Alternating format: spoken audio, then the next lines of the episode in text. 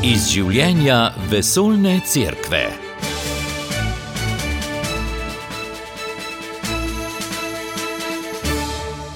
Drage poslušalke, spoštovani poslušalci, lepo pozdravljeni v tem nedeljskem dopolednevu.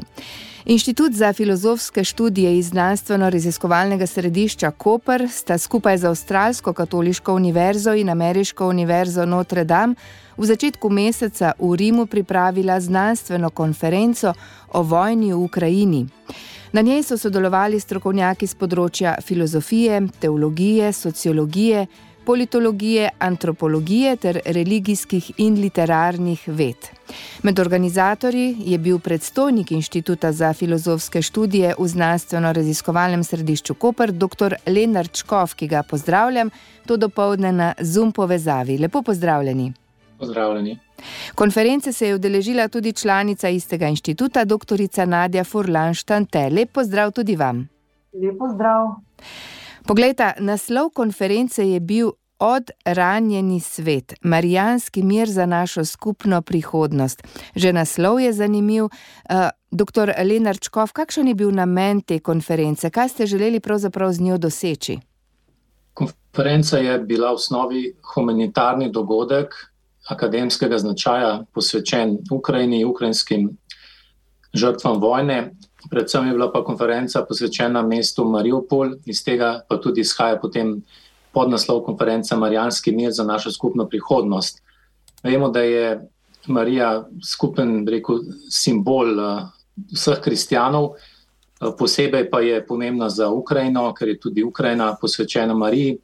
Uh, morda pa, če kdo ne ve, je tudi marijanska simbolika v, v naši skupni zastavi Evropske unije, kar je bil tudi en pomemben rekel, impuls za to povezavo nekako med političnim in sekularnim, in po drugi strani verskim, uh, verskimi razsežnostmi našega sobivanja v Evropi, z seveda jasno perspektivo, da Ukrajina je del Evrope in da to, kar se tam dogaja, presega vse, rekel, uh, kakršne koli religijske, filozofske, etične stvari, ki si jih lahko zamislimo. Torej, to je bil nekako osnovni namen tega srečanja. In uh, cilj, seveda, je bil uh, opozoriti na tisto, kar se je zgodilo v Mariupolju, na to neznosno trpljenje, pa seveda tudi na vse druga mesta, kjer še vedno trpijo uh, otroci, ženske, nosečnice, moški, možje in tako dalje. Doktorica Nadja Furlanštante, k kakšnemu razmisleku nas torej vabi vojna v Ukrajini, predvsem podobe, kot smo slišali, teh trpečih otrok, njihovih staršev, ostarelih ljudi? Vojne predstavljajo največjih brutalnih posegov principa uh, nadvlade. In otroci, starejši, predvsem pa tudi ženske, so prav v vojnih razmerah čestokrat največje tarče, lahko rečemo vojne tarče, predvsem tudi v kontekstu brutalno izraženega nasilja na ženskih telesih, v kontekstu vojnih posilstev, ko pravzaprav ženske postanejo glavne tarče osvojevalca. Zato so vsa prizorišča, vojna prizorišča, eh, kar se tiče ženske same, ranljivih skupin, ene izmed najbolj eh, ranljivih področji oziroma oseb oziroma skupin in same sama grozodejstva, ki se dogajajo v vojni oziroma v konfliktu, rusko-ukrajinskem konfliktu, prinašajo um, ali odstirajo grozodejstva, ki so človeku v 21. stoletju nemisljive, predvsem v Evropi.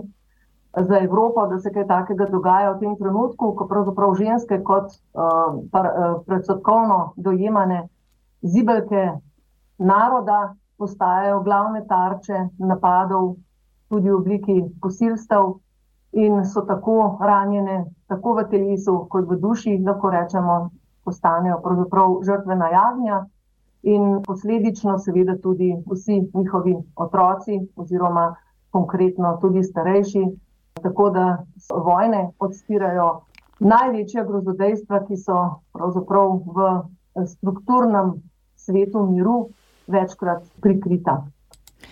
Ja, in ko govorimo o teh grozodejstvih, kar težko razumemo, da lahko nekdo, neka avtoriteta, tako politična kot verska, podpira uh, takšno, takšna dejanja, da sploh lahko podpira vojno. Kako gledate, uh, dr. Škov, na vlogo ruskega patriarha Kirila, za katerega se zdi, da se s tem, ko podpira vojno, nekako oddaljuje od svojega verskega poslanstva, da bolj vstopa na polje politike? Ja, temu je bil posvečen en cel panel na naši konferenci, to smo želeli posebej vrednotiti in se o tem pogovarjati.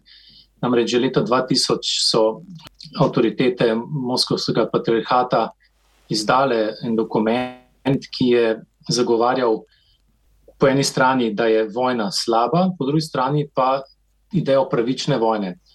Temu nasprotujejo dokumenti, recimo, ekumenskih ortodoksnih crkva, ki to idejo pravične vojne zavračajo, ker pač vojna kot taka je nasprotuje, seveda, razmišljanju o miru in ne nasilu. Vemo, da je seveda pravica do samoobrambe upisana v, v pravzaprav vse naše etične vrednote, vključno z, z religijami in crkvami. Tudi džanistični menihi, ki so najbolj ekstremno nenasilni, so imeli pravico braniti redovnice na njihovih skupnih potovanjih, recimo, če so bile napadene in če jim je grozilo posilstvo in podobno. Vendar nekaj drugega je seveda razglašati uh, idejo pravične vojne skupaj z idejami, recimo, tako imenovanega ruskega mira oziroma ruskega sveta, ki se pa zdaj eh, so se začele pojavljati skupaj z določeno ideologijo. In uh, moskovski patriarh Kiril je z zelo nedavnimi blagoslovljeni, torej vojakov, ki odhajajo na fronto, pravzaprav izstopil iz tistega, kar bi sam moral predstavljati. Tako da je na nek način izpolnil pogoj, da bi ga v neki seveda normalni okolju njegova lastna crkva lahko zaradi tega celo ekskomunicirala. Se pravi, šlo je za tako resno zadevo zdaj. Seveda vemo, da je to zdaj politična, politična zadeva. Vemo, da je papež Frančišek govoril z njim, da pač ni popolnoma nič razumel, kaj mu hoče Kiril povedati, da gre za tukaj za dva popolnoma nasprotujoča si svetova. Vendar moramo pa povdariti, da tako kot recimo, napadi na World Trade Center, ki so bili nekako upravičeni za pravico do džihada, torej do svete vojne v okviru islama, so bili za veliko večino, pravzaprav za vse muslimane, zunaj islama. To je treba povedati. Ne? Ravno tako je ideja ne, križarske vojne za me kot kristjana zunaj krščanstva in seveda ravno tako je tisto, kar govori patriarh, eh, ki je nažalost pač eh, zašel in se, kot pravim, nekako vstopil na polje demonskega celo naredil nekaj, kar ne spada več v polje religije in crkve. Ja, ko se pogovarjamo o tej vojni, ko se pogovarjamo tudi o teh ekumenskih odnosih, vlogi crkve, nasploh vlogi religije v, v miru, se sprašujem, kam gre ta naša Evropa, ker pravzaprav Ukrajina je nekako v srcu Evrope, vse to se dogaja pred našimi očmi. Si želimo takšne Evrope, gospod Škov? To je večplastno vprašanje. Če mi pogledamo to, kar počne Putin zadnje leta oziroma desetletje. To so procesi, ki so pa vendarle tudi sorodni nekaterim procesom, ki so se dogajali v Evropi in ZDA, predvsem mislim na diskurze skrajne desnice. In Putin je bil med tistimi, ki so s svojimi finančnimi in ekološki izdatno vplivali na te diskurze. Podarjam, da so ti diskurzi, čeprav se včasih religije in cerkve na njih želijo pripeti, češ, da jim bo to koristilo v boju proti ne vem, tako imenovanim levičarjem, vendar jaz ocenjujem in zatrjujem, da je to, rekel, spet druženje s hudičema ne, in da tega se pač cerkve nikoli ne bi smele posluževati. Namreč ti diskurzi so zelo nevarni.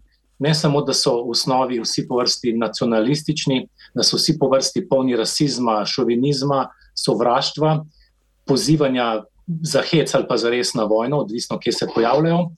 To so bili zelo nevarni procesi zadnja leta v Evropi. Po drugi strani pa smo videli zdaj s to krizo, ne, plinsko in tako naprej, da so bile pa vrednote politikov pravzaprav zelo neprisotne. Rekel, ne. Dejansko smo videli, da je Putin dobil olimpijske igre, dobil svetovno prvenstvo v nogometu nekaj let nazaj, kljub Krimu. Ne. In vse te pogodbe, in, ki so se pa seveda sklepale, to nam pa govori o neki tudi drugi Evropi, ki se zdaj nekako morda zaveda počasi svojih napak. Najpomembnejše pa vendarle je, da Evropa se mi zdi, se je povezala, da torej te vrednote, ki si jih delimo in ki so tudi nekako smo jih želeli dati v naslov same konference, ne, da, da bodo, se mi zdi, na dolgi rok prevladale in da je ta vojna neke vrste prelomnica, verjetno tudi za Evropo. Ja, pa če se vrnemo zdaj mogoče na samo vsebino konference, ki je potekala v Rimu v začetku oktobra, kot sem omenila. Zanimivo mi je bilo, ko sem brala, da različni literati, misleci različno govorijo o vojni in miru, da jo nekateri celo podpirajo. Mogoče kakšen primer, ki ste ga omenili na konferenci v Rimu? Teh uh, diskurzov je seveda veliko. Uh, po eni strani sam sem se veliko ukvarjal s Helderlinom, ki je nekako za me nek pesnik uh, nekega svetega miru. V njegovih himnah, himničnih pesnitvah najdemo podobe otrok in mater, kako recimo, skupaj sedijo v nekem, nekem posebnem ozračju, atmosferi miru, v neki atmosferi, ki je ne more raniti nič, in tako naprej. Se pravi, da je ta mir zaščiten za nekimi kozmičnimi zakoni, da, da, da ga ščitijo bogovi, boginje, da ga ščiti narava in tako naprej. Ne?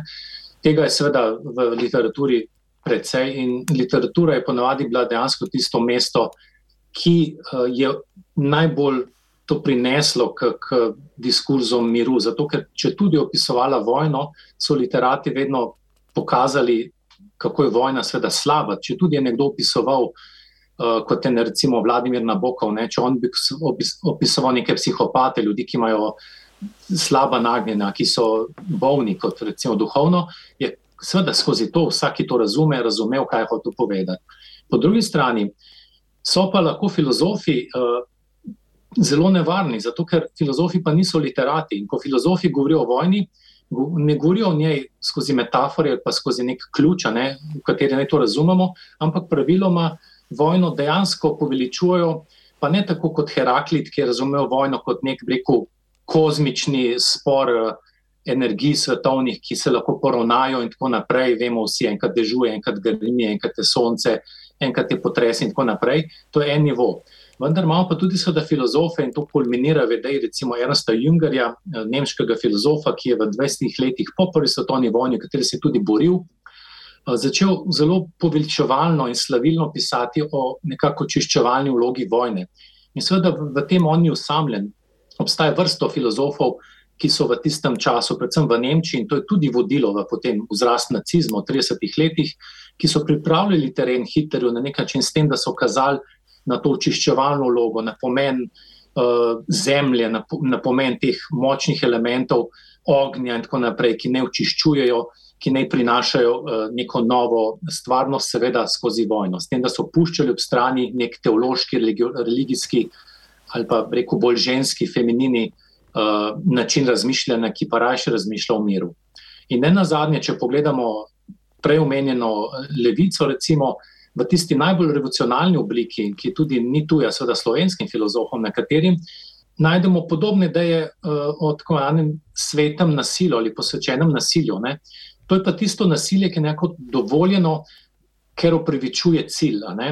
Torej, cilj upravičuje sredstvo in nasilje lahko tukaj nekako tisto sredstvo, s katerim bomo ali bodo prišli do neke ne vem, revolucionarne družbene spremembe. To so pa tudi zelo nevarni diskurzi, ki se zadnjih 200 let pojavljajo na Zahodu. In vse to skupaj, seveda, ne smemo ignorirati, ker to je del našega breku sveta in se nekako uh, pronica v pore našega življenja. Ja, klic k miru, ki ni nekaj statičnega, kot ste rekli, nekaj ustvarjalnega. Pa tudi sama vojna, če jo pogledamo skozi, vem, skozi stoletja, se spremenja način vojskovanja, vedno bolj uničujoče posledice pušča vojna za seboj. Uh, gospod Škov, bi jo lahko zato danes drugače opredelili, kot je bila vojna v preteklosti, predvsem zaradi posledic, ki bi jih danes pustila, tudi če pogledamo v luči jedrske grožnje. Gotovo so se vojne skozi stoletja spremenjale, to ne pomeni, da nekoč niso bile krute.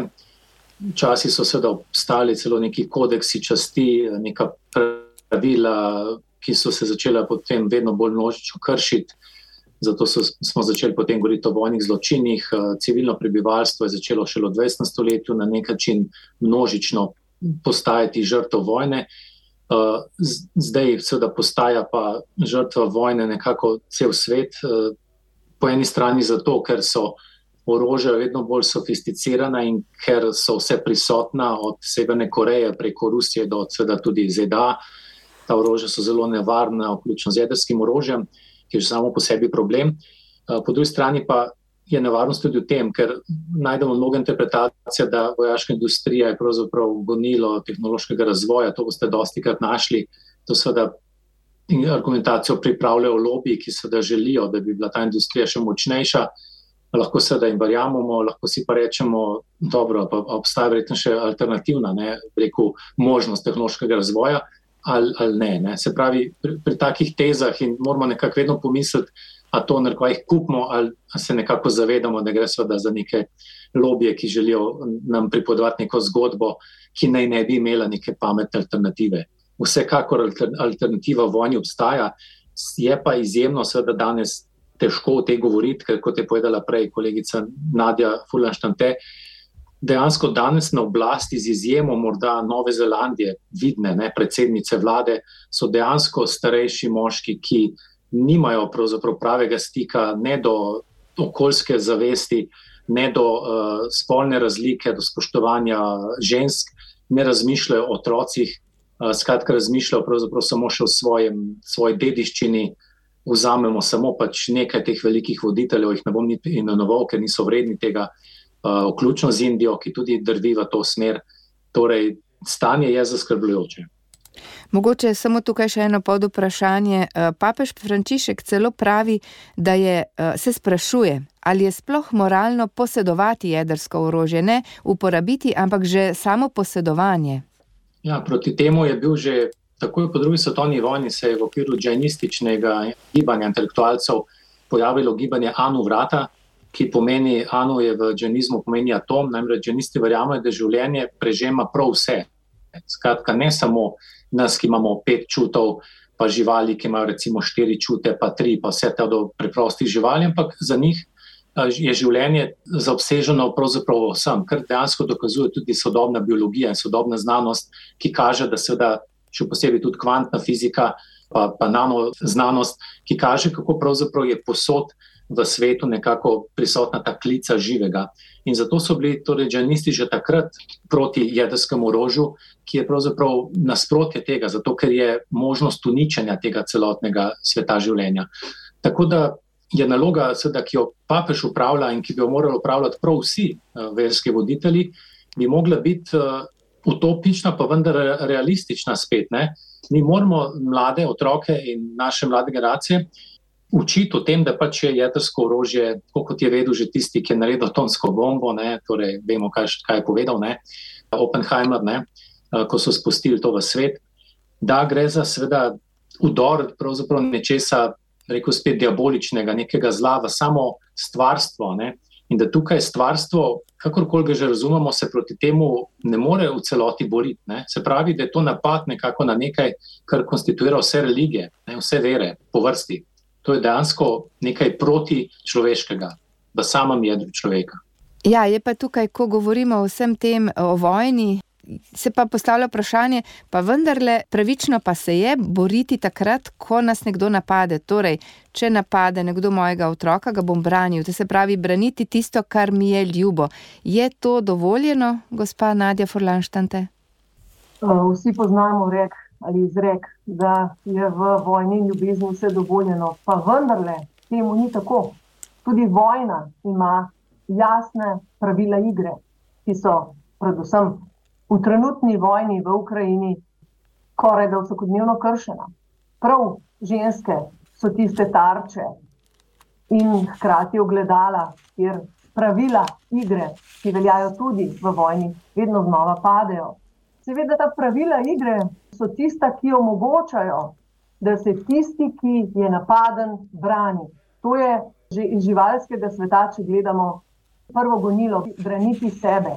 Pa po drugi strani, če gledamo, sama rada verjamem, da se človeštvo pomika naprej po stopničkah ali neki premici samorazvoja, človekovega razvoja, osebnega in človeštva nasploh. Zato bi rada verjela, da trenutno žal še nismo na tej točki, ampak da bomo nekoč na točki, ko se bomo znali in ne predvsem znali, ampak ko bo tudi nasprotnik razumel, da se lahko branimo tudi nenasilno. To je utopija, to se zavedam, da je pravzaprav trenutek, ko je recimo ženska ali kdorkoli, recimo, če iz sebe izhajam pred dejstvom, da zaščiti svojega otroka, eh, takrat vsi pacifistični vzgibi, več ali manj, ostanejo v teoriji. Zato, eh, ker sem sama delovala v vojnih okvirih, ko je divjala vojna na Balkanu in sem imela puško na, prislonjeno na celo, se zavedam, da se takrat v človeku dejansko spodbudi ta osnovni nagon preživetja. Ampak vendarle dopuščam, da se napadeni brani, ampak nekje v teoriji bi rada ohranila to, da so tudi v vojnih razmerah neka pravila igre, ki se jih moramo držati. In če se držimo teh pravil igre, potem ponavadi tarče, kot so otroci, starejši, ženske in nasploh civilisti, ne terjajo vojne toliko življenj. In v tem smislu bi lahko uporabila paradoksalni izraz, paradoks civilne vojne ali civilizirane vojne, bolje rečeno. Ne? Ali lahko govorimo, da je neka vojna sploh civilizirana, filozofsko je to pravzaprav lahko protislovje. Pa vendarle v konkretnem vsakodnevnem življenju uh, vojnega stanja so pravila igre in ta apel do neke civiliziranosti, humanosti, če tudi znotraj vojnih razmer, ključnega pomena. Ja, in ko govorimo tukaj o vojni v Ukrajini, vidimo, da tukaj so tarče, tudi otroci, tudi ženske, tudi starejši ljudje. Eh, gospod Škof, na konferenci v Rimu so govorili tudi predstavniki iz Ukrajine. Kaj so sporočili, kaj recimo kakšen njihov poudarek? Konferenci je bil eh, veleposlanik Ukrajine pri svetem sedežu, gospod Andrej Ševčuk, ki ima tudi sam eh, sina na fronti. On je v ganljivem govoru, v vodnem govoru se seveda zahvalil za svojo podporo, uh, izrazil izjemno hvaležnost uh, ukrajinskega naroda uh, do, do vseh, ki se kakorkoli trudijo, trudimo.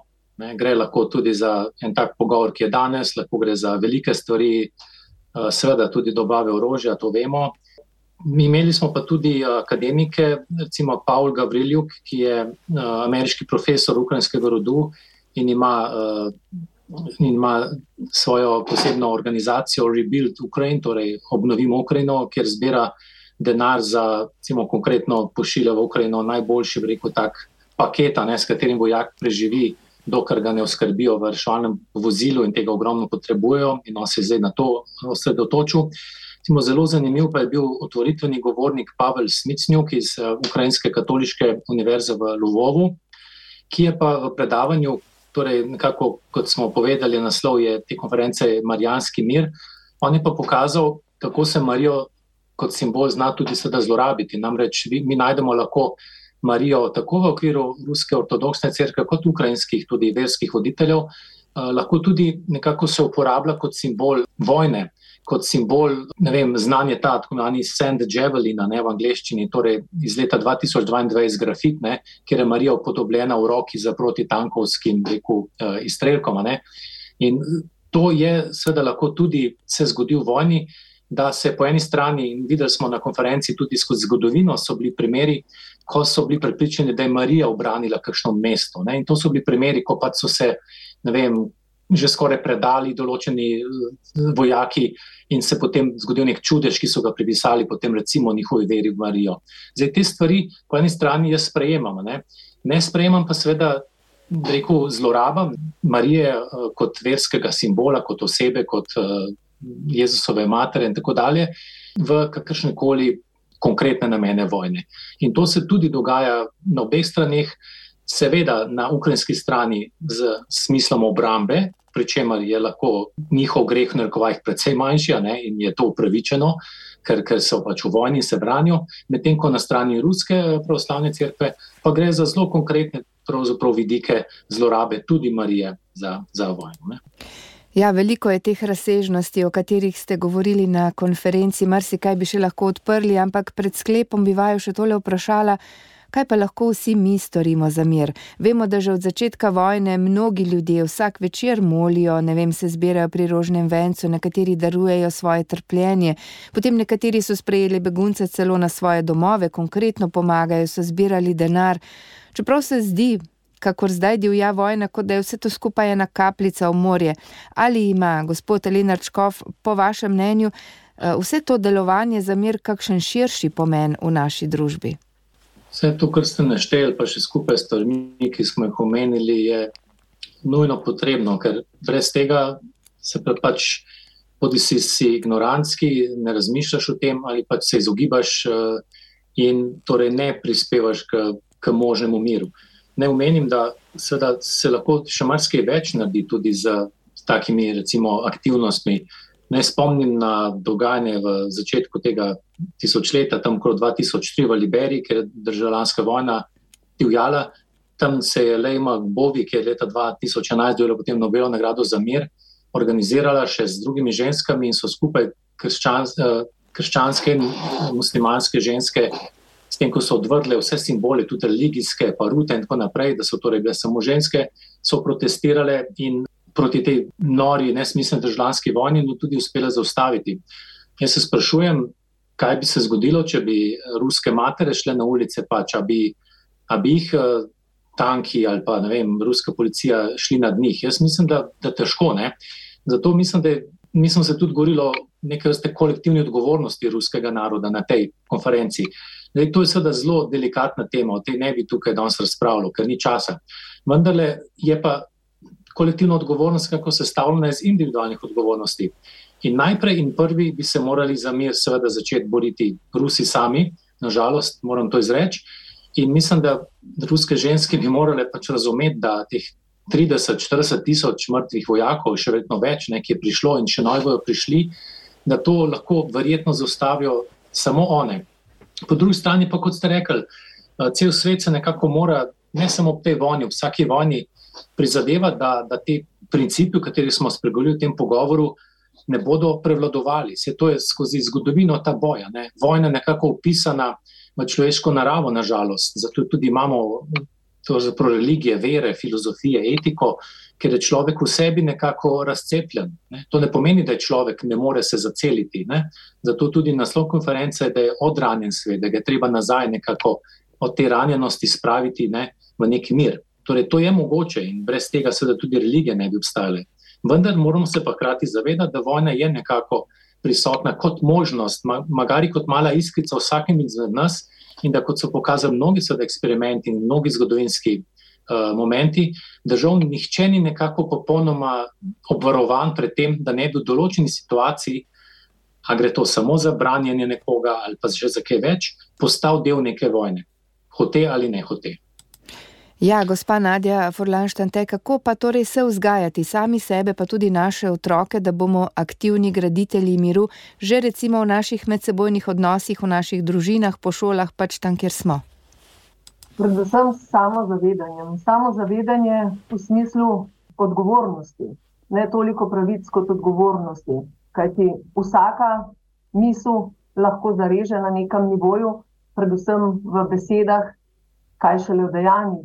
In to je tisti osnovni poligon, ki se začne, kot je že kolega Škop omenil, pri vsakem posamezniku na individualni ravni in se potem gradi v kolektivnem okviru. Gradnik miru je v prvi vrsti zavedanje in hkrati zavedanje ne samo na čustvenem, ampak tudi razumskem okviru. Kaj mislim s tem? Številne vojne so bile skozi zgodovino in so še vedno generirane tudi zaradi dobička. In naše šole, naše šolstvo nam da veliko znanja, vendar veliko krat nas premalo opremi prav s tem samozavedanjem. Samozavedanje pomeni tudi aktivno spremljanje politike, aktivno udejanjanje svojih načel v družbi, ne z mečom, ampak predvsem z neko dobrotljivo kreativnostjo. Kaj pa je ta dobrotljiva kreativnost? To je pravzaprav tisti klic k obujanju, če hočete, tega osnovnega Jezusovega klica, da naj pravzaprav nihče ne stori drugemu tistega, česar sam ne bi želel, da se mu stori. In mislim, da je to pač to zveni zelo preprosto, ampak v resnici nihče izmed nas tega verjetno ni ponotranil do te mere, da bi lahko naši zanamci to gradili kot samoumevno. Morda se sliši preveč rigorozno, pa vendarle prepričana, da, sem, da so za uh, to vrstne konflikte, ki eskalirajo tudi v obliki vojn, uh, potrebni predvsem zdravi ljudje. Najlepša hvala obema, mogoče zaključimo res to mislijo zlatega pravila: stori drugemu, kar želiš, da bi drugi tebi storili, ki ste ga omenili. To je tisto, kar, če bomo ponotranili, se bo verjetno marsikaj spremenilo in upajmo, da bo svečal tudi v to smer.